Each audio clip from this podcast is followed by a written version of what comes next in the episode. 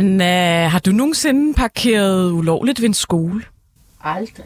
Hvor, hvorfor egentlig ikke? Altså, jeg har ikke kørekort. Jeg ved ikke, hvordan det der fungerer. Jamen, øh, der, der er flere ting. Altså, der er sådan lidt, synes jeg, over, over sk- øh, ulovlig skoleparkering, at det er lidt ligesom at holde på en handicapplads, øh, plads, når man ikke er, har et handicap eller har et skilt. Altså, folk øh, tolererer det ikke. Der er kæmpe... Der er mange, der går til skoler eller børnehaver, selvfølgelig med børn i hånden, eller de kommer selv gående især. Altså, selv, også de helt små, faktisk jo. Og når der så lige kommer sådan en bil drønende op med herre, med herre eller fru Travl, fordi de, øh, og de må ikke parkere tæt på indgang. Det tror jeg altså er ret normalt i alle skoler, og også måske børnehaver, at øh, der, der kan man ikke lige parkere. Og hvis dem, der gør det, det er sådan nogle øh, personer non grata, så det har jeg aldrig skulle øh, haft lyst til at lægge mig ud med alle mulige andre. Og okay. det virker helt også sådan lidt... Altså folk siger, at de gerne vil have tid med deres børn, og de vil gerne prioritere, men når de så kommer kørende med 80 km i timen og har, jagger bremsen i lige op ved skolen, så virker det sådan lidt, det er jo løgn. Du, du har jo bare, du har bare travlt. Det er noget af det, vi skal snakke om i dag i Mette og de Blå Mænd. Jeg hedder Sanne Fanø, og med mig har jeg... Anna Thysen.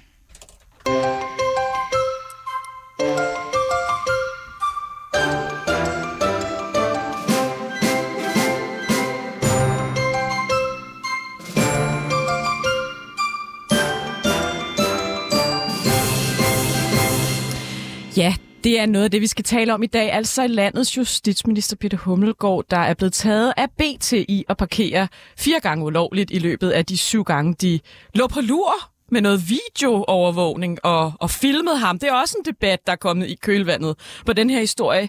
Senere i dag, der har vi Peter Astrup med, som er politisk journalist på BT og er en af mændene bag historien. Ham får vi på besøg senere i programmet. Så skal vi tale lidt om, jamen Anna, altså, om hvad? Venstre oh. og Ellemann. Jeg synes, måske, jeg, jeg overvejede faktisk lidt, om vi skulle droppe det i dag, fordi jeg tænkte, jeg synes, vi snakker om det hver Ja, og det er gang, bare der sådan er nyt igen. noget gætværk, ikke? Jo. Så skal vi øh, tale lidt om, at, at, at unge kvinder i politik bliver udsat for nogle ret voldsomme øh, sexistiske kommentarer, og så er der en bunke under personalnyt, blandt andet nyt om den tidligere radikale leder, Sofie Carsten Nielsen. Men der har også været en stor fejring i ugen af landets leder. Lad os lige høre lidt om hylsen til hende.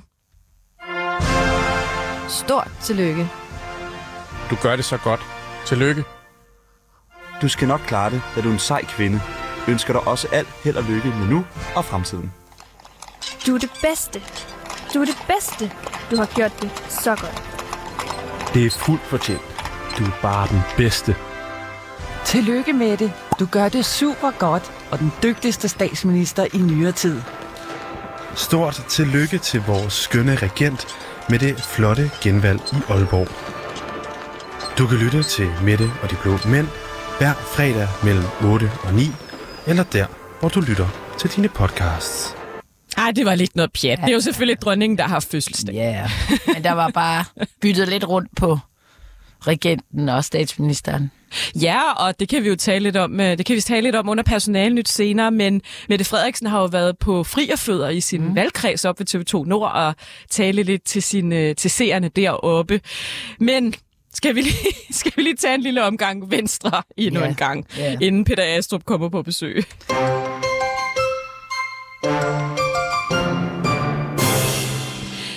Fordi Berlingske har jo øh, for, for første gang i lang tid kunne få rigtig mange V-kilder i tale. De har været lidt stille i en periode, for det hele skulle nok gå.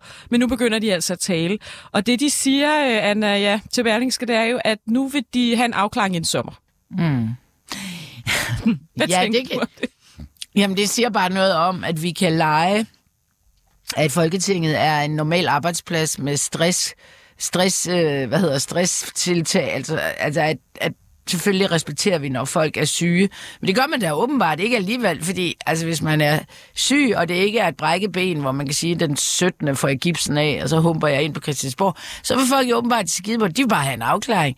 Og det er vel det, der er lidt problematisk med, med Ellemann, at der er ikke, altså, man, jeg, jeg kender fra andre stressramte, at noget af det, der stresser folk helt vildt, det er, at de skal være tilbage på jobbet den et eller andet. Så det prøver man jo at... du, det er jo også sådan, at efter ret kort tid, så hvis du er sådan langtidssygemeldt, så skal arbejdspladsen have noget refusion af det offentlige, og du skal måske også til møde på et jobcenter, og der skal udarbejdes sådan en... Ja, ja, det Hvornår der, kommer du tilbage? Men det tror jeg så ikke og- helt øh, gælder for Ellemann. Men ja, det der med, at man skal sige, hvornår man kommer tilbage, det er i hvert fald ikke god stresspolitik arbejdspolitik. politik.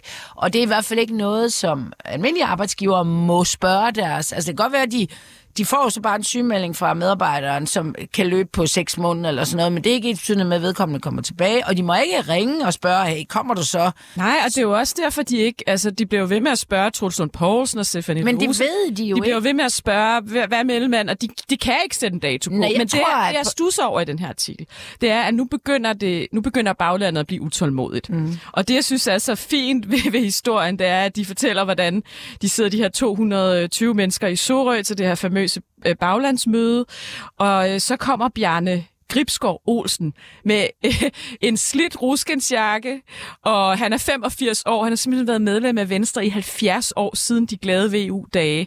Og så tager han et maskinskrevet papir op af lommen, og der er jo et super god stemning, og han ødelægger den sådan lidt, ikke? fordi så siger han, jeg har været med i VU og Venstre i knap 70 år, og derfor gør det også ondt, når man ser, meningsmålingerne er dalende.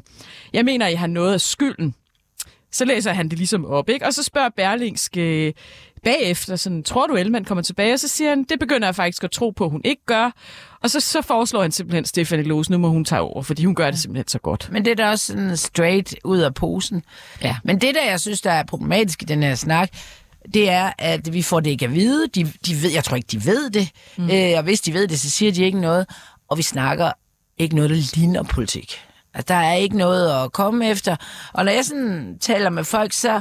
Altså, folk går op i... Øh, om sundhedsvæsenet bliver, kommer på ret køl. De går op i, øh, hvad skal man sige, er der krise, er der ikke krise? Øh, nu har de lige fyret øh, 500 mand i Danish Crown i øh, Sæby, altså ja. kæmpe problem. Ja. Hvor, hvor stor er jobsikkerheden? Selvom øh, at de faktisk går mere op i at skabe nogle flere arbejds, eller, eller få nogle flere i arbejde, så begynder folk, der har et arbejde, jo også at være nervøse. Og så tror jeg da også, de går op i, øh, har jeg råd til at komme på sommerferie? Hvad med de her priser? Hvorfor falder de ikke? Øh, hvorfor koster smør stadigvæk øh, 30 kroner? Og det, der, der sker bare ikke rigtig noget i den her regering, og de kom ud med nogle, nogle øh, udmeldinger om, at nu laver vi den her over midten regering, men, men det virker som om det eneste, hvor der sådan kommer meldinger på, det er nærmest på sådan noget udenrigspolitik og Ukraine. Ja, nu har og- det også været noget klimaudspil, ikke? Men Præcis. altså, det, øh, Og det kan folk gå ikke op og nu kommer, nu, kommer det, nu kommer der jo noget, et kæmpe slag om Ja. tilbagetrækning. Ja. Og jeg hører jo så øh, KK's formand, Anja Ja. C. Nielsen, ude i P1 morgen i morges og sige, nu må I simpelthen lave en trepartsforhandling. I, I kan jo ikke, også, I kan ikke først afskaffe stor bededag, og så lave den her omkalfatring af tilbagetrækning, Ja. uden at tale med os og arbejdsgiverne. Det går simpelthen ikke længere. Nej, og øh, efter Liberal Alliances øh, meget succesfulde landsmøde weekend, så er øh, radikale og Venstre, eller radikale og LA og øh, konservative, de er kommet ud med sådan en reformgruppe, de, hvor de vil komme med noget, og det kan man jo godt, øh, hvad, I har ikke noget flertal, nej, men der er jo et valg efter, øh, efter øh, altså om tre, fire år næsten, og det, det man bare kan frygte, det er, at vi skal se frem til tre et halvt år af det her Men, men, men, ikke, hvor der ikke sker en skid. Nej, men det jeg lidt tænker, det er, at man starter jo med de der øh, piller, man lige skal sluge i starten af valgperioden, og så er jeg sikker på, at der kommer noget, nogle lækkerier til sidst, sådan et par år op til valget. Det er jo sådan, man typisk plejer at planlægge sådan en regeringsperiode. Så der skal jo nok komme noget andet til vælgerne. Men sådan er Øhm, vælgerne bare ikke, tror jeg. Altså det er sådan, For eksempel nu, nu er sundhed. du sådan kom, kommentator-agtig, ikke? Og jeg er jo mere sådan kommentator på, ja, altså hvad folk siger og sådan noget. Altså det, det bliver, jeg har hørt af mange, der sådan siger, jamen det kan da godt være, det plejer at være sådan, men det er jo ikke, altså det er jo ikke sådan en strategi, her for Danmark går op i. Og de, der er ikke andet end palaver lige nu. Det er der ikke, men øh, nu, apropos palaver, øh, så får vi jo som sagt Peter Astrup på besøg om lidt, men skal vi ikke lige tage, fordi der er ret meget personalnyt Jo, den her uge, Anna, skal vi ikke det. lige tage en god omgang personalnyt? Medlemmerne synes, at jeg skal være den, der skal overtage stafetten fra Pernille. Jeg tror tilbage. Det er, for at være ærlig, lidt øh, mærkeligt.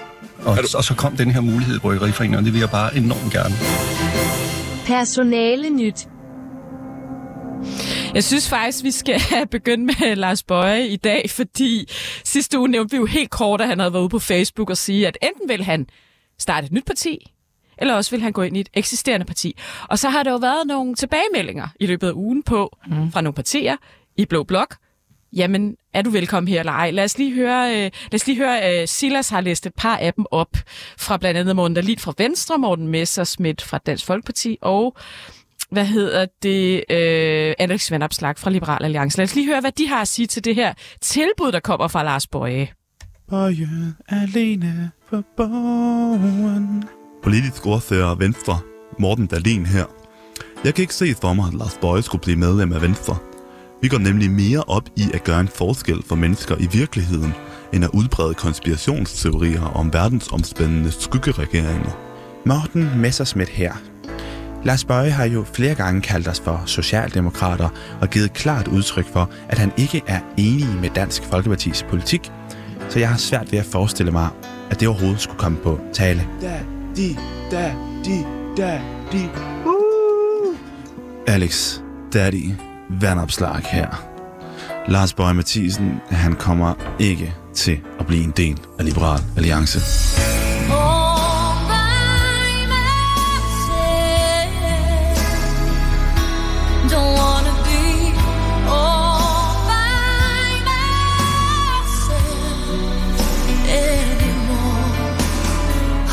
Ja, så hans kampagne, som jo egentlig hedder Bøje på borgen, den er ved at blive omdøbt til Bøje Palle alene på borgen. Mm. Der er ikke rigtig noget bid. Men, men vi talte jo også om sidste uge, det er så spøjst at skrive på Facebook. Enten går jeg ind i et nyt parti, eller også starter jeg et op. Det lugter jo bare langt væk af desperation, ikke? Altså, jo, og det er jo... Jeg kan jo godt... Altså, det er jo... mm, Altså, jeg, mm, hvad hedder det? Dansk Folkeparti har jo taget imod med kysshånd derovre fra. Mm, men lige præcis... Lars- og øh, Søren Bjørn. Ja, Ja. ja. Og, men lige præcis Bøje, der tænker jeg, det er medlem fra helvede, ingen vil have, fordi han, han sætter sig jo ikke ned øh, øh, bag, og man har vel ikke nogen sådan tiltro til, at han lige pludselig læser op på et eller andet partiprogram, og så er han bare sådan... Så jeg tænker, han... Altså, det, det er noget juks, men jeg tror, han, også, han har jo også lidt et problem, fordi at øh, ham og, og hans tidligere parti, de har jo været meget sådan uh, pragmatiske, at du skal ikke udnytte systemet, du skal ikke bare sidde og fiste den af, øh, øh, og det er jo det, han gør nu. Så han har et problem med, at han ikke, han kan ikke, øh, han kan bare sidde med noget, nogle venner og nogle fans, og så kan han skabe sådan en eller anden øh, øh, modstands øh, råbe op klub. Men der, det, er jo for, det er jo for langt ude. Altså det Bøje jo har, du, du har præcis ret, ikke? Fordi det han ligesom har kørt, hans linjer, det er jo også derfor, man ikke kan være partiformand. protest. Det har jo været anti-establishment, Ja. anti-regering, anti-corona, anti, anti. Men jeg, har, jeg kan bare ikke rigtig huske, at jeg har hørt ham komme med et eneste politisk Nej. forslag. Og der kan man jo ikke det er rigtig svært at være partiformand, hvis du ikke sådan ligesom har noget politik på hylderne. Det er jo den ene ting. Men så er der jo den anden ting, og det er jo, at han han har øh, malet sig så langt op i et hjørne nu med de her økonomiske krav, at der er ingen Ja, ja. partier, der tør røre ved ham, fordi de tænker simpelthen, at han er for besværlig at samarbejde med. Ja, og, han- Og så dem, han- lonely dem- rider, ikke? Altså. Jo, og hans øh, fans, det er også nogen, man heller ikke gider have fedtet ind. De melder sig, de ligner jo ikke nogen, der lige melder sig ind i Venstres øh, vælgerforening eller Liberal Alliance, så han er, han er sådan en persona non grata, og, øh, og det han så er ved at ende som, det er sådan en anti-establishment, der er så meget en del af anti-establishment, hvor han kan bare sidde tre år, Ja. tre et halvt år, fyre den af med mega høj løn. Det er sgu da mange, der synes, det er da mærkeligt. Så jeg han tror i bliver hvert nødt til fald ikke, han bliver genvalgt som løske. Jo, altså så kan det jo selvfølgelig Ja, ja, være, at han han starter jo. et nyt Ja. parti, og der er Ja. jo alle, alle eksperter i, i, i konspirationsteoretikere Ja. siger jo, jamen der er måske et segment på omkring 2 procent. Men Det er så- lige hvor- præcis til. Men det- Altså, måske kan du lige komme over Men det er da også ikke, egentlig fair nok. Men hvorfor siger han så, at det godt være, at jeg melder mig ind i et andet? Det er da også for dumt at sige, før du har talt med nogen. Altså, der er nogen, der skal tage dig. Ja, ofte er det jo sådan, når man øh, bliver løsgænger i Folketinget, at man begynder at få henvendelser fra andre partier, ja. eller man begynder at drikke kaffe med nogen. Men jeg tror simpelthen ikke, der er nogen, der simpelthen har haft lyst til hver, ikke engang at tage en kop, den her kop kaffe. Så der er meget personale nyt. Vi kan måske lige hurtigt runde, at øh, Mette Frederiksen har været... Øh, i TV2 Nord. En hel time øh, blev der sat af, og jeg har lidt baggrundsinfo omkring, hvordan det her tv-program kom i stand. Vi kan lige høre helt kort noget af det, hun, hun, hun svarede på en masse seerspørgsmål. Og alene. Åh, oh, det var forkert. Politisk ordfører Venstre. Kan vi, kan vi stoppe Morten med den jingle, Silas? Jeg kan ikke se for mig, at Lars Bøje skulle blive medlem af Venstre. Og hvis I ikke fattede det var, den før. det, var, det var Silas, vores fantastiske producer, vi lige hørte. Her har vi altså Mette Frederiksen i TV2 Nord. Jeg tror, det er godt for Danmark, at vi samarbejder hen over den politiske midte. Jeg kan godt mærke, at, øh, at mange danskere synes, det er også noget mærkeligt noget.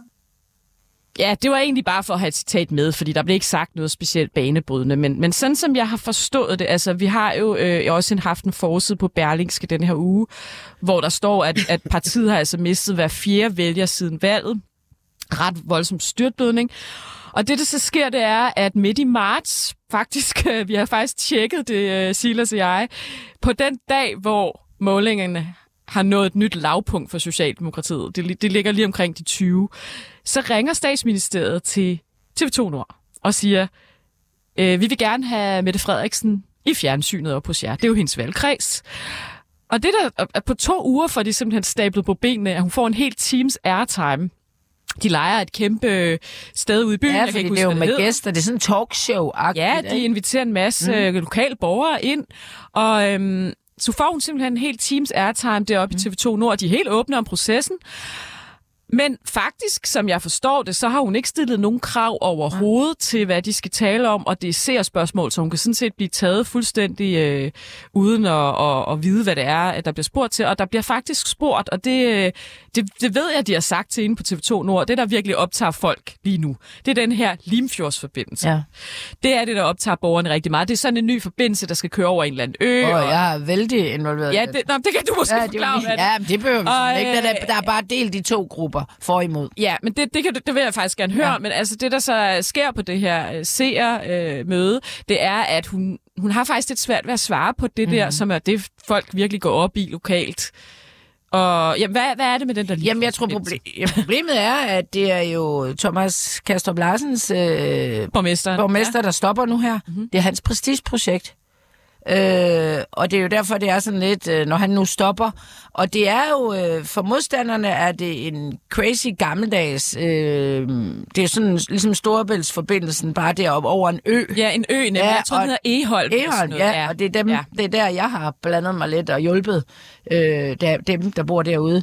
Og de, øh, og de, det, altså, de siger bare, at den her ø, den bliver bare smadret af det her. Og hvorfor er det, at der skal laves sådan et prestige byggeri, altså udenom Aalborg. Og det er jo fordi, at de to tunneller, I kender Aalborg-tunnelen, der er øh, rigtig meget trafik, og øh, man vil gerne øh, løse det problem. Og det er der så nogle øh, masse forsk- altså eksperter, der har udtalt sig, at man kunne også bare lave det, der hedder et tredje tunnelrør.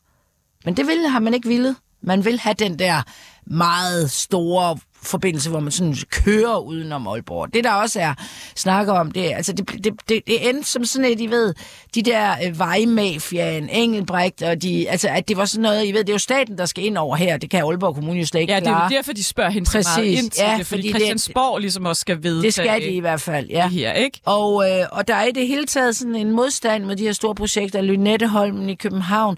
Altså det er sådan, at miljømæssigt er det, er det simpelthen for gammeldags at lave de her store, store på den her måde.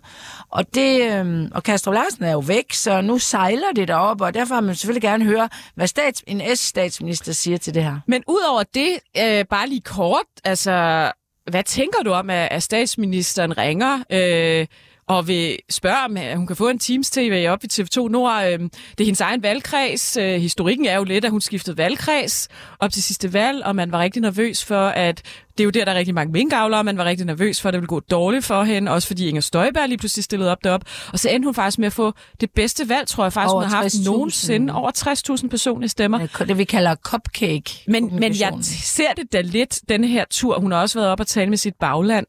Det må jo være, fordi hun godt kan lugte, at de her målinger simpelthen er ved at være så dårlige nu, så hun må, hun må ud på en eller anden form for øh, charme Jamen, jeg, jeg, en synes jo, Jamen, det tror jeg, da, er mere. Og jeg, det er jo fint nok, at mediet også vælger, vælger at være helt åben og sige, at det er ikke engang os, der har taget øh, øh, kontakt. Det har de selv.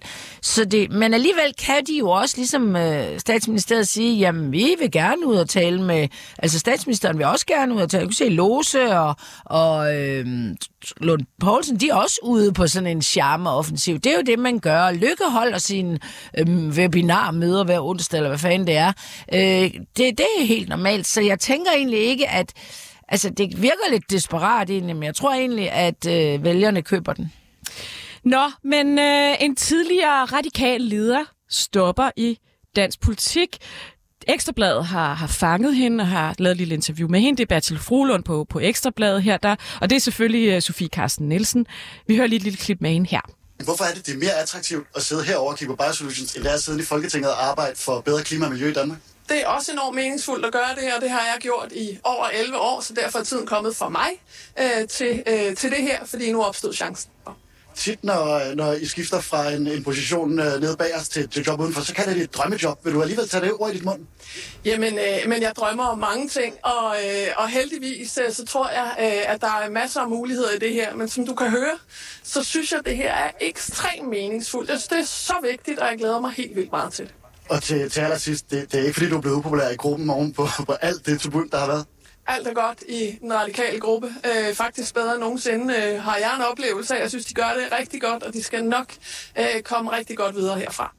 De har det simpelthen bedre end nogensinde i den øh, radikale folketingsgruppe. Det må man, det er jo altså... Bedre end nogensinde. Ja, ja. Bedre end da Vestager triumferede, og Marianne Hjelved svingede med håndtasken, og det ene og det andet. Jeg tænker, at det er op imod... Øh, det er op imod... Øh, Østergaards sexikane-sag og hendes egen øh, kiksede udmelding om, at nu vælter vi regeringen, men vi peger på, på, på Mette Ja. Frederiksen. Så tænker jeg, det kan da kun gå fremad. Men helt, hvad, er, hvad sker der for at gå fra øh, det største, altså det er at lave politik og grøn omstilling, og så sætte sig over I dansk, øh, i industri, dansk industri med og blive Lauritz Ja, og alt muligt og andet. blive lobbyist for nogle, øh, hvad skal man sige, kommersielle virksomheder, der skal sælge noget. Altså det er det. Og det kan da godt være meget fint, men altså jeg må bare sige, jeg har prøvet at følge det. Jeg kan simpelthen ikke forstå, hvad det går ud på, det der bio. Bio, hun skal, Bio. hun skal sidde og rode med noget biosolutions. Jamen, jeg ved ikke, et eller andet med nogle er. klimaløsninger ja. på noget. Jeg må indrømme, jeg har heller ikke rigtig styr på, hvad det er. Men man kan i hvert fald sige, at det har der vagt en lille smule debat, det her med øh, politikere, der går... Altså, hun er næsten lige blevet valgt, jo. Hun fik godt nok ikke så mange personlige stemmer, så trak hun sig som leder, efter hun havde udløst valget. Men det der med at gå øh, lige fra Folketinget til et lobbyjob, hvor de jo faktisk skal sidde og påvirke Folketinget. Ja, så man lige kommer fra Jeg ved, der. der er andre lande, hvor de har sådan noget... I, i, EU, Karens. I EU diskuterer de faktisk lige nu, man skal have en karensperiode på, på seks måneder, mm. før man ligesom skifter. Men øh, det har man altså ikke i Danmark. Øh, Det kunne man jo overveje. Vi skal lige runde et par sidste ting, inden øh, vi skal snakke om Hummelgårds øh, parkeringer. Fordi det har jo givet plads til Sinus Lindgren. Mm. Som jo faktisk øh, var Altså en- ikke Hummelgårds parkeringer, men... Nej. Jeg ved, er ikke, hvad det kan... Stinus Lindgren er suppleant til Sofie Carsten Nielsen, og markerede sig, jeg har interviewet ham utallige gange ja. under coronakrisen. Mm-hmm. Selv øh, uddannet biolog, jeg tror faktisk, han er professor. Utrolig øh, meget re- dygtig. Jeg tror faktisk, det er godt for de radikale, ja. At hun smutter, og de får ham ind. Han er, han er meget, meget dygtig i forhold til for eksempel sundhedspolitik. og Ja, videre. og jeg tror også, det var kæmpe nedtur for ham, at, at han ikke kom ind. Ja, han, han, han, han markerede så meget. Jeg synes faktisk, han er en ret øh, dygtig og ordentlig politiker. Lidt mere personalnyt. Henrik Dahl øh, bliver endelig, vil jeg næsten sige. Men hvad er det, til eller er det sådan noget, nu orker de ikke Øh, mere bøvl med ham? Det, jeg tror faktisk, hans forhold til Alex, Alex Vanopslag er ret godt, men en lille krøl på halen er jo, vi havde jo Simone Milamitsbøl inden for nogle uger siden, med, som har skrevet den her bog Insider, hvor han jo skrev, hvordan han prøvede at få rappet ham ned til Europaparlamentet, fordi at de synes, han var så besværlig. Men nu tror jeg faktisk, øh, så vidt jeg forstår, nu sidder Peter Astrup herinde og nikker fra BT, øh, jeg tror faktisk, at han den her gang selv har valgt det, fordi han er enormt interesseret i udenrigspolitik. Så jeg er ret sikker på, at, at det er hans eget valg, og måske også et spørgsmål om, at det går så godt for Liberal Alliance lige nu, at de rent faktisk regner med at få det her mandat. Ja. Det, det fik de jo ikke ved sidste valg, hvor Mette Bock jo så endte med at stille op. Ja. Det, det var en øh, eklatant fiasko for dem, det valg. Den, Dansk Folkeparti har valgt ny næstformand, Maj-Britt Birkholm. Jeg må indrømme, jeg har aldrig hørt om hende. Nej. Ung kvinde. Ja. Ja. Ulla Tørnes overvejer også at gøre comeback tidligere minister Jamen, gennem mange jo år, også- venstrekvinde, og stille op også til Europa. Det er bare, altså, jeg synes ja. bare, det er så sjovt som borger, når man sådan hører på, hvorfor de gerne vil ned i EU. Altså, det er bare ikke til at... Ja, tillykke med det. Altså, Tillykke. Vi- kan du gøre en forskel, og hvilken gruppe... Altså, de der mærkelige fraktioner, der er dernede... Øh, hold nu kæft, var der mange danskere, der synes, det er røvkedeligt. ikke? Velkommen, Peter Astrup. Og det er, det er ikke nok en svært at sidde og være stille, når I sidder og taler om sådan nogle ting. Har du holdt ja, ikke det skal da bare Ja, jeg var heller ikke sikker på, at min, tele- min mikrofon Jo, jo, og sådan jo. noget. Men øh, nå. Man kunne Du høre er åndedrag. politisk journalist på BT. Ja, Og det min tidligere kollega. Ja. ja. Vi har været kollegaer gennem mange år, faktisk. Ja, og flere Peter. forskellige steder. På det hedengangne fantastiske søndagsavisen har vi siddet sammen ude på Gladsaxe Trafikplads. Mm. Og vi har også været på øh, 47 sammen. Ja, og øh, jeg vil sige, fald. det mest spændende sted har nok været Søndagsavisen. Fantastisk arbejdsplads. Hvad blev der af den? Ja, Den er vist, den, altså jeg, Den når er jeg taler om den, ja, ja. lukket. Men er sådan yngre mennesker er bare sådan... Nej, vi var fantastiske. Nå, nej, men yngre, altså jeg har jo... Enestående medarbejder. Jeg har lavet rigtig meget presse for, altså da jeg var, jeg havde jo Little i mange år, vi brugte, vi lavede alt muligt med, i søndags. Vi havde mange læsere. De der, de Ja, lavede sådan nogle tests altid, kan I ikke huske det? Jo, Jo, vi, vi, selvfølgelig vi huske. meget Toastbrød. bruger øh, journalistik. Er har du været har inde i dag. derude. Jeg, har ikke Hvem var chefredaktør, der I var? Arne Ullum. Ja, ja, det skal jeg lige sige. Nå. Peter, det er jo ikke derfor, du er her i dag. Du er her jo, fordi du er en af personerne, journalisterne, der har skrevet den her historie om Peter Hummelgaards øh, ulovlige parkeringer. Vi har egentlig også et lille klip, jeg ved ikke, om vi skal begynde med det, hvor jeres journalist, Anne-Katrine Rastrup, øh, interviewer Bjørn Brandenborg, partiets retsordfører. Men før vi hører ja. det, kan du så ikke lige hurtigt skitsere selve historien? Hvad er substansen til den her historie? Jo, altså det vi har øh, afsløret på BT, øh, kort og godt, det er øh, justitsministeren, altså den øverste chef for politiet og, hvad skal man sige, den politiske garant for vores øh, retssamfund, helt konsekvent, helt konsekvent og systematisk tilsidesætter øh, loven om, om parkering og de regler, der er på området. Hver gang han skal parkere om morgenen. Og det, Næsten hver gang. øh, Ikke hver gang jo, men altså... Ja, fordi hvad er det? I har, Han lader I, som om, der I har ligget, I har, jeg, jeg, nu, og nu siger jeg det bare, som det er. Der, der har været, det har nemlig også vagt stor debat. Det kan vi tage om lidt, hvordan I egentlig har gjort det sådan rent metodisk. Men I har simpelthen filmet ham syv dage, mener jeg, ikke? Jo, Og hvad, korrekt. hvad skete der på de syv dage? Jamen på de syv dage, øh, der er vores øh, fotograf Anton Unger, som jo faktisk har været den, øh, den, øh, den primære kraft på, på historien, øh, og så især sammen med, med Anne-Katrine Restrup, min, min kollega. Han er derude syv dage på det her konkrete øh, sted, tidligere om morgenen, i et øh, mindre tidsrum, for at observere præcis, hvad er det, ministeren gør. Og Et sted på Amager. Vi behøver Lad os ikke at bare sige- et sted på Ja, Amager. Nej, nej, vi har jo heller ikke skrevet præcis, hvor det er, også af det hensyn til ham Nej, for at det- skulle det kommer jo undervise ikke folk ved. Nej, nej, det er også lige meget. Men, men øh, det, øh, der sker, det er, en gang kommer han ikke, en gang kommer han på cykel, og fem gange kommer han i sin øh, bil. Fire ud af de fem gange øh, parkerer han øh, ulovligt. Og, og kan du ikke lige gøre os lidt klogere på, øh, hvordan sådan noget foregår? Jeg har ikke kørekort, skal det siges. Må Hvor- man hvor- godt, hvor parkerer han? Må man Altså holde sådan- kort ved sådan en skole, altså? Jamen, der er forskellige regler afhængig af, Ja, ja, hvor du holder. Og nu er jeg faktisk en lille smule i tvivl om, hvornår det var, han gjorde hvad. Men han har blandt andet holdt der, hvor der er sådan en skolebus eller børnehavebus, du ved, der skal køre børnene, jeg ved ikke hvad, et eller Jeg andet grønt sted hen. udflytter børnehave. Ja, sådan noget der. Ja. Ja. Ikke? Og den, øh, den, øh, den skal køre i et særligt tidsrum om morgenen, og der holder han blandt andet der, hvor den skal holde. Han har også holdt et andet sted, hvor der er det, der hedder stansning forbudt. Øh, det bliver kaldt lidt parkering forbudt, men altså det er stansning forbudt. Øh, nej, undskyld, det er meget så. Der er parkering forbudt, Ja, men du må og godt- det betyder så, at så må du være der tre minutter, men det er han jo betydeligt mindre ind. Øh, eller mere ind. Så når han går op og afleverer sine børn, så går der jo langt mere end tre minutter. Det ved næsten alle, der har prøvet at aflevere Altså, han må ikke parkere, men han må godt, øh, man må godt... Den er jo lavet til Ja, for, må at godt lige forældre... standse og sætte folk Ja, af. det kan jo Ja. være, ja. Ja, så det må du for eksempel godt, Ja. ja. ikke? Øh, men, men du må ikke gå med ind.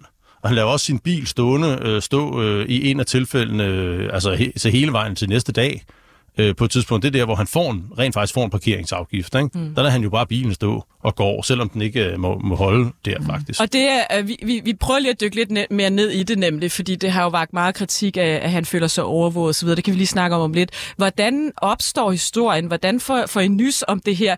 Det, mit spørgsmål er også lidt, ligger I på lur ved alle mulige ministre og roder i deres skraldespande og filmer dem og Nej, det overvåger, hvordan de bestemt- afleverer bestemt børn? Og for det er jo noget af det, som øh, han har kritiseret jer for. Hvordan opstår historien? Mm.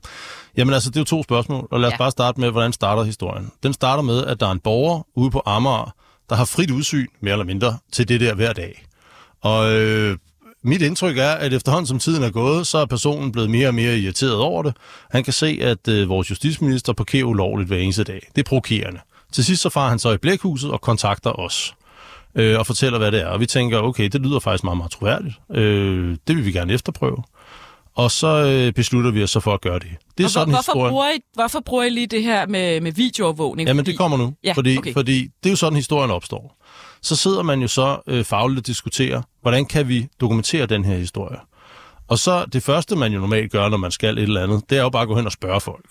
Hej, er det rigtigt, du parkerer ulovligt hver eneste, evig eneste dag? Den fremgangsmetode vurderer vi ikke kan dokumentere det. Fordi vi kan jo ikke stole på det svar, der kommer. Det er jo ikke sådan, at bare siger, ah, du fik mig, jeg parkerer ulovligt hver eneste dag. Nej, det tror vi ikke på. Vi vurderer, at den eneste måde, vi kan dokumentere på, det er at tage ud på det konkrete sted, i det konkrete tidsrum, og observere ministerens parkeringsbaner. Og så det her, man siger med Ja, systematisk normalt overvågning. om en journalistisk metode, så kunne du også være at søge agtensigt og andet. Men det kan Nå, man, ja, det kan man jo ikke her, fordi man der er jo ikke nogen, der, der er jo ikke nogen aktindsigt Så på, I- hvordan... I- Øh, Og I har kun en borger, der ringer. loven. Så det vil sige, I har ikke... Altså, det, det du skal... Folk tror nogle gange, vi bare skriver ting, ikke? Men det du faktisk skal, når du laver den her historie, så skal du skaffe dokumentation. Så jeres dokumentation er, kunne I ligger dokumentere og filmer ham. Og I skal skal I ikke vel også- dokumentere historien, eller hvad? Vi skal vel også kunne dokumentere, at det sådan er...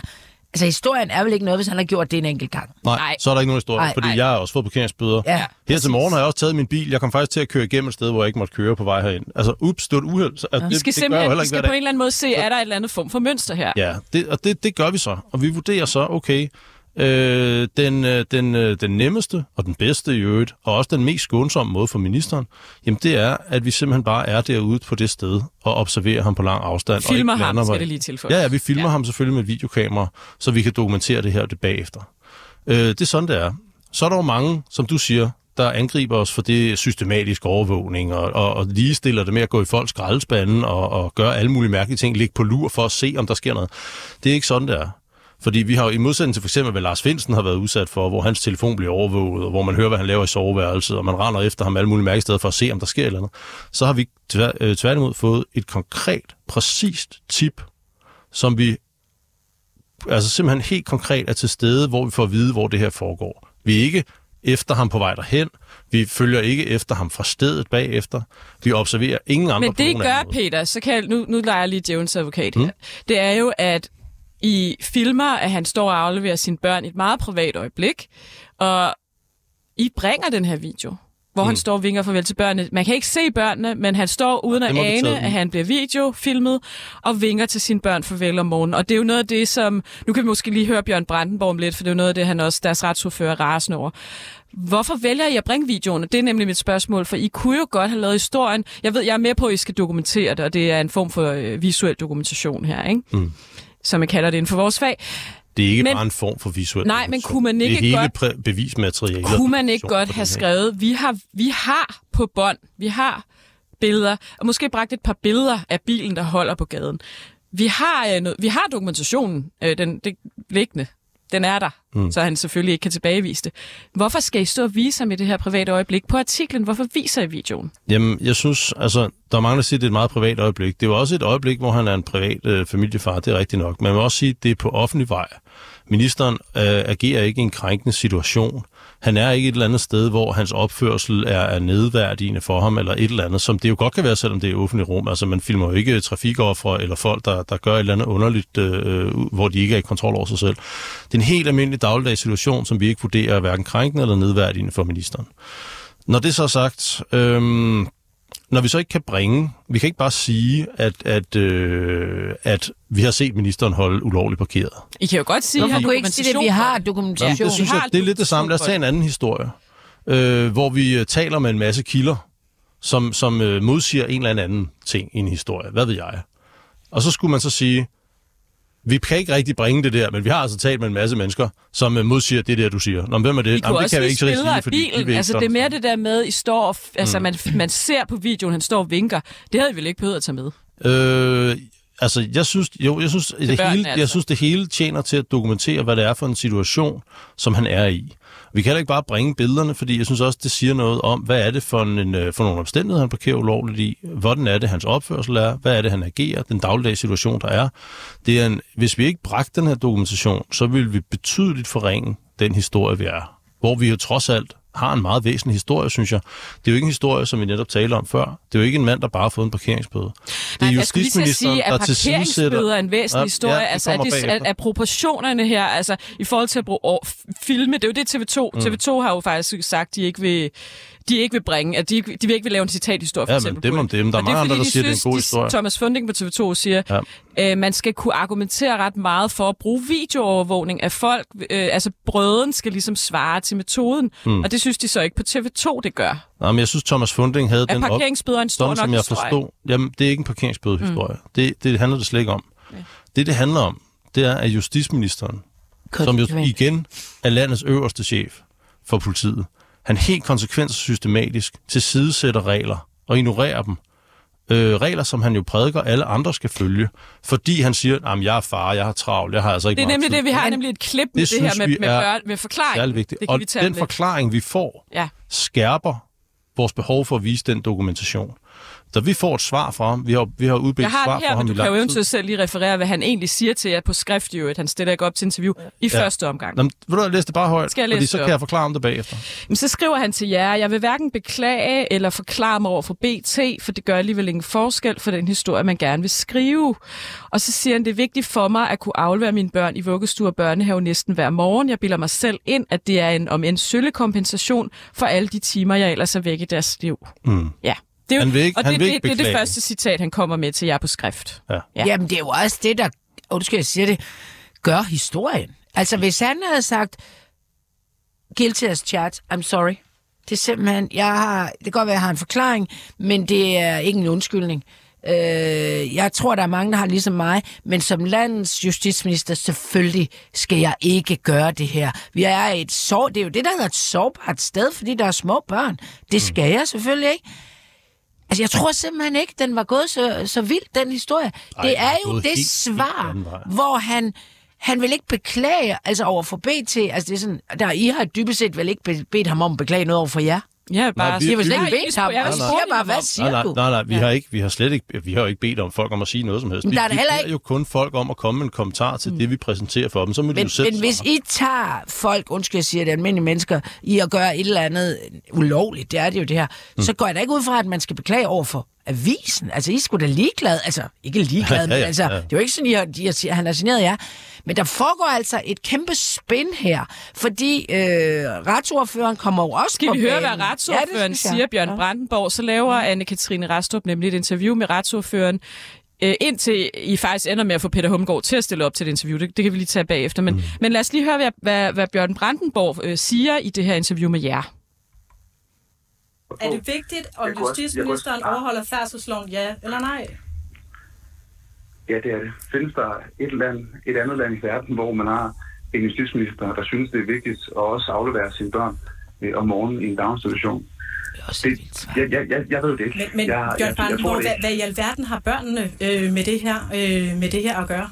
Det er de børn, som justitsministeren prioriterer at aflevere. Øh, Kan man ikke prioritere sine børn uden at parkere i ulovligt? meget. Jo, det kan jeg godt, og jeg kan også godt sige til dig, at jeg har også selv, selvom jeg ikke bor i København, øh, afleveret mine børn nogle gange, hvor jeg ikke har parkeret, tror jeg, helt efter reglerne. Det glipper for os alle sammen. Og det er jo det, der også er tilfældet her. Det er fire ud, af, fire ud af fem gange, justitsministeren parkerer ulovligt. Hvordan er den glippet, når det er fire ud af fem gange?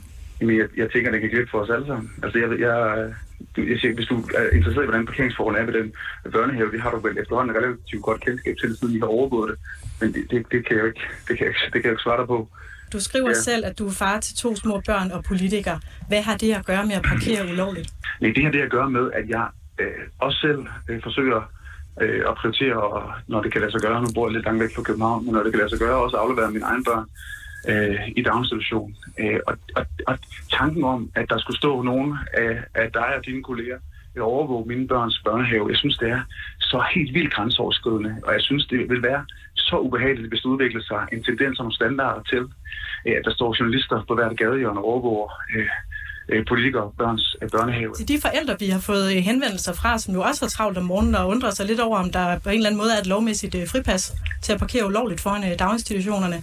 Kunne det ikke være noget, der måske, det kunne I jo arbejde lidt med politisk, I kunne jo lave sådan et, øh, hvad kan man sige, straffri zone for travle børnefamilier? Kunne det være noget? Jamen, tak for forslaget, og det skal, jeg- det skal jeg tage med mig. Ja, Ej, det er jo Peter Astrup, øh, hvad gør du egentlig selv, når du afleverer dine børn i skole? Altså, og jeg spørger virkelig, fordi jeg ikke Mhm. har kørekort, og min søn går bare i skole hver dag, og der, det er kort. Jamen, jeg har tre, jeg har Altså- tre drenge øh, på henholdsvis 6 og 9 og 15 år. Øh, og den ene skal afleveres i børnehave, og den anden, de to andre skal afleveres i skole. Det ligger et stykke væk, så jeg kører dem faktisk som regel over. Øh, I børnehaven er der en, øh, en parkeringsplads, der er det svært at holde ulovligt.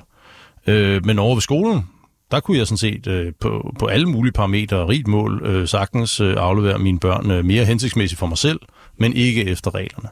Men altså, det gør jeg ikke. Hvad gør, hvad gør du så? Altså, Jamen, jeg parkerer bare på en lille parkerer der, hvor sidevej, man- og så, Ja. og så øh, nu er de drengene der, de store drenge, de er så store, de godt kan gå over vejen selv og sådan noget. Så nu er det ikke så svært længere. Men, øh, men næste år, så skal den mindste starte det samme sted. Så skal jeg jo ligesom følge ham ind nogle mm. gange over vejen og sådan noget.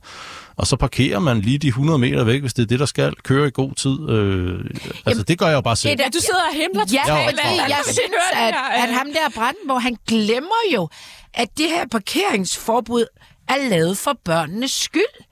Altså, det er jo ikke sådan for at genere øh, forældre, der har mega travlt, og derfor øh, kan I godt forstå, at så må, vi lige, øh, så må vi lige bryde det, fordi jeg kan faktisk godt lide mine børn. Du skal bare parkere længere væk, fordi de vil ikke have biler tæt på børnehaver og skoler, hvis der er overhovedet.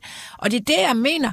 Jeg tror, det var øh, Lykke engang, der kaldte det fokusforskydning. Det var sådan, øh, altså, de prøver at Deflection, tror jeg også, man kalder det inden for sådan ja, spin. prøv simpelthen øh, at tale om noget andet, end det, der er. Fordi, og, og, og, og journalisten spørger, jamen, hvad har det med børn at gøre? Skal man ikke parkere? Så, så siger han, jamen, så siger han ligesom sagt, at når man er, er minister og politiker, så, så, er det, så, er det sådan, så, så kan man godt gøre det. Og det er jo helt gak. Jeg, og det... jeg blev også spurgt i et andet program i går faktisk, om ikke det her det var under bagatelgrænsen. Ja, og det er jo man lidt det, jeg også spurgte godt- dig før i forhold til præcis. proportioner og det kan man jo altid ikke? diskutere, det vil jeg også meget gerne svare på. Parkeringsbøder, Øh, helt ærligt, synes- hvor herre bevares, ja. var at sige. Hvis jeg lige... Ja. Øh, fordi det, jeg, synes ikke, jeg synes ikke, det er under bagatelgrænsen, når man systematisk tilsidesætter de regler, som man har på et område, når man er justitsminister. Det synes jeg er en helt fair historie. Men så bliver jeg også spurgt om at sige, parkering, det er jo ikke sådan noget med fare at gøre, og man er ikke til fare for nogen. Det er Det er jo det. bare sådan noget. Men det er forkert. Ja. Det er en forkert antagelse. Fordi de her parkeringsregler, i langt de fleste tilfælde, er jo noget, man laver, så trafikken kan fungere ordentligt. Og nu kender jeg jo ikke daginstitutionen, som, som Hummelgaard øh, har det også så godt, som han overhovedet selv gør. Men, men der, hvor jeg afleverer mine børn, der er de her regler jo sådan, at hvis jeg beslutter mig for at parkere der, hvor skolebussen holder, der er også en skolebus, der kører et sted hen tit til svømning og sådan noget, mærkelige ting, eller lige nede foran SFO'en, hvor der er mega stress, eller lige foran der, hvor der er skolepatrulje, jamen, så er der travlt om morgenen. Der er masser af forældre, der skal sætte børn af. Der er masser af trafikanter, der slet ikke skal noget, men som bare skal igennem området. Øh, og hvis jeg laver noget ulovligt, så skal alle andre trafikanter jo også indrette sig efter min ulovlighed. Det betyder, at de skal køre uhensigtsmæssigt. Der er så mange børn, der er så mange alt muligt. Dem udsætter man selvfølgelig for en sikkerhedsrisiko. Det er jo ikke det samme som at køre 160 km i timen gennem en lille blind vildervej, men det er noget. Men i forhold til det her med, med overvågning, ikke, øh, Peter, så, mm. så normalt så ser vi jo det sådan noget plejehjem bag facaden, hvor en eller anden medarbejder er muldvarper og filmer, fordi det er nogle meget, meget grælde forhold. Vi ser det også, moskéerne bag facaden har vi også set, hvor imamer har siddet og rådgivet voldsramte kvinder i ikke at blive skilt. Og, altså, det er jo nogle ret voldsomme historier. Det er jo det, der... Øh, og der er jo også, jeg kan også se, det er jo ikke bare socialdemokratiske politikere, der har været ude og forsvare ham. Det er faktisk også med det Appelgaard, som fra det ret skaffende parti, øh, konservativ. Og det, de jo lidt siger, det er, hvis vi vil have folk til at gå ind i politik, øh, og man kan risikere, at der ligger nogen med et videokamera og filmer en, når man står og afleverer sine børn, så er der ikke nogen, der gider være politikere længere. Altså, at pressen også har et eller andet, må også have en eller anden form for proportionssans i forhold til, øh, hvor små sko man går i mm. på en eller anden måde. Jo, Ikke? men jeg synes bare, at, at øh, det her værktøj, vi har, vi har brugt for at dokumentere justitsministeren øh, systematisk til sidesætter lovgivningen, det synes jeg er helt proportionelt med den historie, vi har lavet. Og jeg synes ikke, at vi på nogen måde øh, udsætter ham for noget, der er nedladende, eller nedværdigende, eller, eller unødigt krænkende. Det synes jeg så slet ikke. Prøv, jamen, det er, det er igen, altså... Øh, Altså, det er jo også spin øh, for politikernes egen skyld, for at prøve at holde jer væk, og så sige, at vi kan ikke få nogen politikere, altså nogle mennesker til at blive politikere, fordi de vil være potentielt skide bange for at blive overvåget på en eller anden parkeringssted. Det er jo noget pjat. Det her, jeg synes, det er, øh, jeg synes, der er ubehageligt her, det er, at jeg synes, at politikerne sparker til den her øh, følelse ude i befolkningen, at pressen lyver, at de øh, laver vilde ting for at gå efter personer og smadre dem. Og det er bare noget, vi ikke... Altså, det er ikke godt for demokratiet, at man ligesom støtter op om, at BT er øh, efter Hummelgaard så nærmest øh, personligt. Og der er ingen tvivl om, at både, altså at familien garanteret er, er ikke kan lide det her. Altså det er Ja, da de- de ubehageligt. synes, det er dybt ubehageligt, ikke? Og børnene og- Ja, men, men jeg er også bare sådan... Jeg ved godt, jeg tager nok lidt kommunikationshatten på. Det skal du Men gøre. man kan jo løse problemet ved at lade være med at parkere ulovligt. Altså, det kommer jo derfra. Det er jo ikke... Og nu er han jo ude og undskylde på Ja, sådan en vi lige virkelig høre, mærkelig måde, Peter, hvad, fordi så... Altså første gang, da jeg laver historien, der, øh, der er det kun på skrift, han, han skriver til, til, at han ikke vil beklage. Ja, han laver skriftlige citater. Men så har, ja, så har jeg faktisk fået mit tale til et, øh, kri- et, et live interview, et kritisk interview Ja, det er rigtigt. i løbet af ugen. Hvad siger øh, så der? Jamen, det var, øh, det var åh, jeg kan glemme, hvilken dag det var. Det var sådan lidt øh, stress, uha, vildt dyr. Han havde også i samråd tidligere, som var tidligere afsluttet. Der var også mange andre, der ville tale med ham, og, og øh, de kom lidt tidligt ud, og vi fik ikke fat i ham. Men så ringede øh, han faktisk til mig øh, senere. Øh, og så måtte vi så lave det på telefonen. Og, øh, og så lavede vi et interview, hvor han så øh, fortæller to ting, som jeg synes er, er interessante. Jeg spørger ham jo til, om det var, øh, fordi han har jo brugt det her øh, termen glippet, ja. som Brian Brandborg også bruger over for Anne-Katrine Restrup. Øh, jamen, det glippede. Jeg var derude. Hov, ups, det var glippet. Og så spørger jeg ham så, om det, hvad mener han egentlig med det? Var det et uheld? Altså var det bare, hov, jeg vidste, de kendte ikke reglerne, det glippede, jeg dummede mig, jeg havde travlt, jeg, jeg så ikke skiltet og sådan noget, og det er jo fair nok. Men det er jo samtidig en lille smule mærkeligt, når det er fire ud af fem gange. Han trods alt har kørekort, det er svært at bestå Det er lidt ligesom at bruge, og det var en fejl, hvis man egentlig gør det Ja, med det er jo ikke, det er jo ikke, en rigtig fejl. en fejl, og jeg spørger, det ved jeg ikke. Men jeg spørger i hvert fald, jeg tror fem gange i interviewet, eller sådan et eller andet, var det en fejl, eller har du bevidst, bevidst tilsidesat lovgivningen? Og jeg ved ikke rigtigt, om jeg nogensinde får et rigtig klart svar på det. Øh, så siger han en anden ting også, øh, fordi jeg spørger ham så, om han beklager det. Altså, er du, er du ked af det? Beklager du, at du har brudt øh, loven? Fordi han siger jo netop øh, noget, som jeg synes lægger op til det, at selvfølgelig skal han overholde loven som alle andre. Ja, det siger Når han. han, så har ja. brudt loven, beklager han så. Øhm, og fordi interviewet gik så hurtigt, så var det faktisk et opfølgende spørgsmål, så stille bagefter, for jeg glemte at stille det, så det er derfor, jeg ikke følte øh, så meget op på det. Så det var dumt. Men så får jeg så et svar tilbage, øh, om at han øh, naturligvis gerne vil beklage, og det starter jo godt, men så vil han så kun beklage over for én borger. Altså ham, der er blevet sur ude på Amager, eller hende, eller hvem det nu er. En eller anden person, vores tipper. Skal, skal jeg læse citatet op? Ja, gør, Jeg har gør endelig det. det Jeg vil naturligvis meget gerne beklage over for den borger, der bor i nærheden af børnehaven, der måtte have følt gene ved min og andre, andre forældre, siger han så faktisk, parkeringer. Øh, jeg ved ikke, om I har andre forældre, der, der har fået parkeringsbøde. Det skal Øh. han selvfølgelig være mere opmærksom på fremover. Og så siger han også, det er jo helt og dels indiskutabelt, at selvfølgelig, og ligesom alle andre, skal være meget, meget skarp på de præcise parkeringsregler, som Københavns Kommune anviser. I øvrigt, den kommune, hans eget parti selv står i spidsen for, vil jeg så lige tilføje. Men han beklager i hvert fald, eller i hvert han fald beklager i overfor. hvert fald over for en, som han har været til gene for. Og så siger han også de andre Men vi forældre, andre, det vi jeg lige andre får altså ikke. Øh. Nej, altså dem, jeg synes, han skulle beklage over for, det er jo alle de øh, forældre, der dels parkerer lovligt og skal gå længere og, og ikke benytter sig af den åbenbart mulighed for at parkere ulovligt. Og så er det vel alle de forældre, som jeg i hvert fald altid, der irriterer mig over dem, der masser sig ind og, og ødelægger trafikforholdene, så folk er til mere fare. Dem er han, det er han da ligeglad med. Han prøver nærmest på at forbrødre sig sådan med de andre familier af børneforældre, der åbenbart også parkerer ulovligt. Altså, hvis jeg var skole, øh, ville jeg være pissetræt af det. Altså, jeg bor jo også ude på Amager, og det er et helvede hvert år. Så kommer politiet, og så siger skolerne derude, og øh, især skolerne med de der små SFO-børn, de er altså ikke mere end fem år, Gider I ikke lade være med at drøne hen og aflevere jeres børn i huhej, fordi I er til scene for alle? Der er børn på, i 3. klasse, der cykler. De cykler altså ikke ret godt. De kan ikke øh, manøvrere i det der. Og det tager han slet ikke ind som en, øh, en, en faktor i sin undskyldning.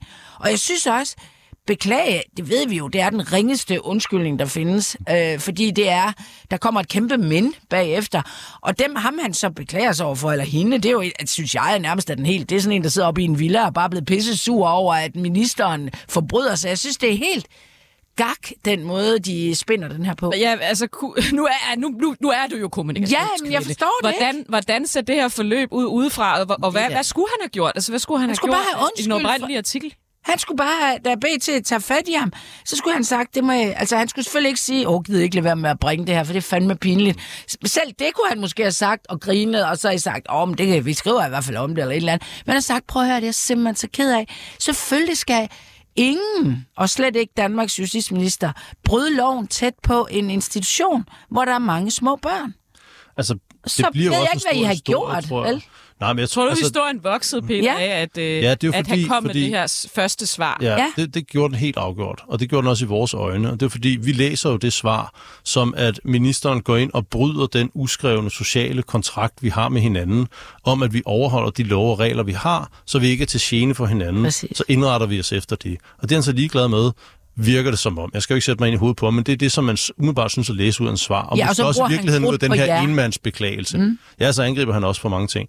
Og jeg tror ikke, vi har et rigtig godt dansk ord for det der, som vi læste ind i det, øh, men, men på engelsk hedder det entitlement. Mm. Altså, at man føler, man er lidt fin på den. Ja. Man er justitsminister, man er et eller andet andet, man er sådan lidt Man høj har på ret sprog. til- Man har ret til ting, som ikke alle andre har ret til. Og, og, og, og hvis man har det... Altså, Men tror du ikke, alle mennesker har fået parkeringsbøde? Jo, jeg har fået to. Jeg har også fået to fartbøder. øh, det har Jeg, der. jeg er jo ikke kørekort, men jeg er altså blevet taget øh, og køre, med at køre uden lys et par gange. Men politiet. Det troede jeg også engang. Og har fået bøde Men det er for bare ikke historien, fordi det kan du sagtens blive. Altså, alle folk kan begå en fejl. Og hvis han så bare havde sagt, prøv at jeg har holdt det her lovligt masser af gange, jeg troede simpelthen ikke, jeg var til gene for nogen. Ja, Selvfølgelig skal jeg altså, leve op med så- det. det kunne I jo jeg ikke mig. Så er der masser af masser af mennesker, der bare vil sidde og tænke, Åh, det har jeg "Hvad sgu ved også det, prøvet." det, er sgu også, Ja. ja. det går sgu nok. Så havde vi været et helt andet sted med den historie. Det er den sædvanlige med, at, at, at håndteringen, den dårlige håndtering overgår næsten brøden. Han har også en historik jo med sådan noget, faktisk. Fordi for, for tre år siden, cirka to og et halvt år siden, der var han jo i teateret, hvor der var masser af coronarestriktioner. Og der måtte man kun sidde på hver andet sæde. Og der var han indtaget med en halsbro og hinandens ægtefæller, ikke? Tidligere, og der træk han så coronarestriktionerne væk ja. og satte sig ned, som han nu havde lyst til.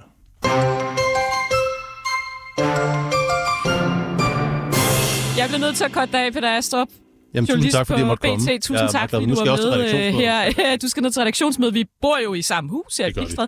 Vi skal bare lige hurtigt til sidst runde, at uh, Nicoline Prehn, som mm. stillede op til Folketingsvalget for... Hej, hej Peter. for uh, Socialdemokratiet i København, har været i politikken denne uge og fortælle om nogle af de kommentarer, hun fik, da hun var folketingskandidat. Vi kan lige nå at høre, hvad hun fortæller til vores producer, Silas Moody her uh, på 24 Altså i valgkampen var bedre seksualundervisning en af mine mærkesager. Og så var der en, der skrev til mig, hvad er det for et klamt ønske at indføre mere sex i skolerne? Hvis du mangler pik, så spred benene. Der er nok mange, som vil knippe sådan en liderlig so. Og så var der en, der råbte til mig, hvor jeg stod og delte flyers ud. Jeg tror, det var ved Knibbelsbro. Så var en fyr, der cyklede forbi og råbte, øh, hvis jeg må knalde dig, så stemmer jeg på dig. Der var en, der skrev på Twitter, danske mænd hader din slags og hader ikke at stille op til valg. Der er også en, der skrev, hvis du ikke vil seksualisere, skulle du måske tage noget mere tøj på. Lav en OnlyFans som valgkampstrategi, så er den i skabet. Du er for grim til politik. Ja, alle de her beskeder fik jeg, da jeg stillede op til Folketinget sidste år. Der var både øh, i virkeligheden, og så var det på alle sociale medier, på Twitter, på Instagram og Facebook, og også i private beskeder. Altså jeg synes, det er mega hårdt at føre valgkamp, og når man så oven i det også skulle forholde sig til folk, der siger alle mulige ting om ens udseende, øh, så gjorde det det bare ekstra hårdt. Og jeg synes, det, at det har gjort, at jeg overvejer, om det er noget, jeg har lyst til at gøre igen. Ja, vi kan ikke rigtig nå at gå i dybden med det, men øh, vi har jo selv... ja, ja vi, vi får jo selv øh, besked om vores udseende, Anna. Du læste en op for et par uger siden. Ja, Vi har ja. et minut tilbage. Ja, nå, ja, det er... skal til at slutte. Altså, jeg ved ikke, om det er... Jeg tror ikke, det er noget, politikere oplever alene. Altså, det er... Vi kan prøve at se her i, øh, i den sidste weekend her, hvor der har været en frygtelig kidnapningssag, hvordan øh, folk har ringet telefonfis mm. til, til den her familie, der har haft alle telefoner åbne. Så jeg tror, vi har nogle, øh, nogle, nogle danskere, der skal... Tage sig sammen. Ja. Tak for i dag Mette, for, hos her i Mette og de Blå Mænd. Jeg hedder Sanne Fanø, og med mig har jeg... Anna Thyssen.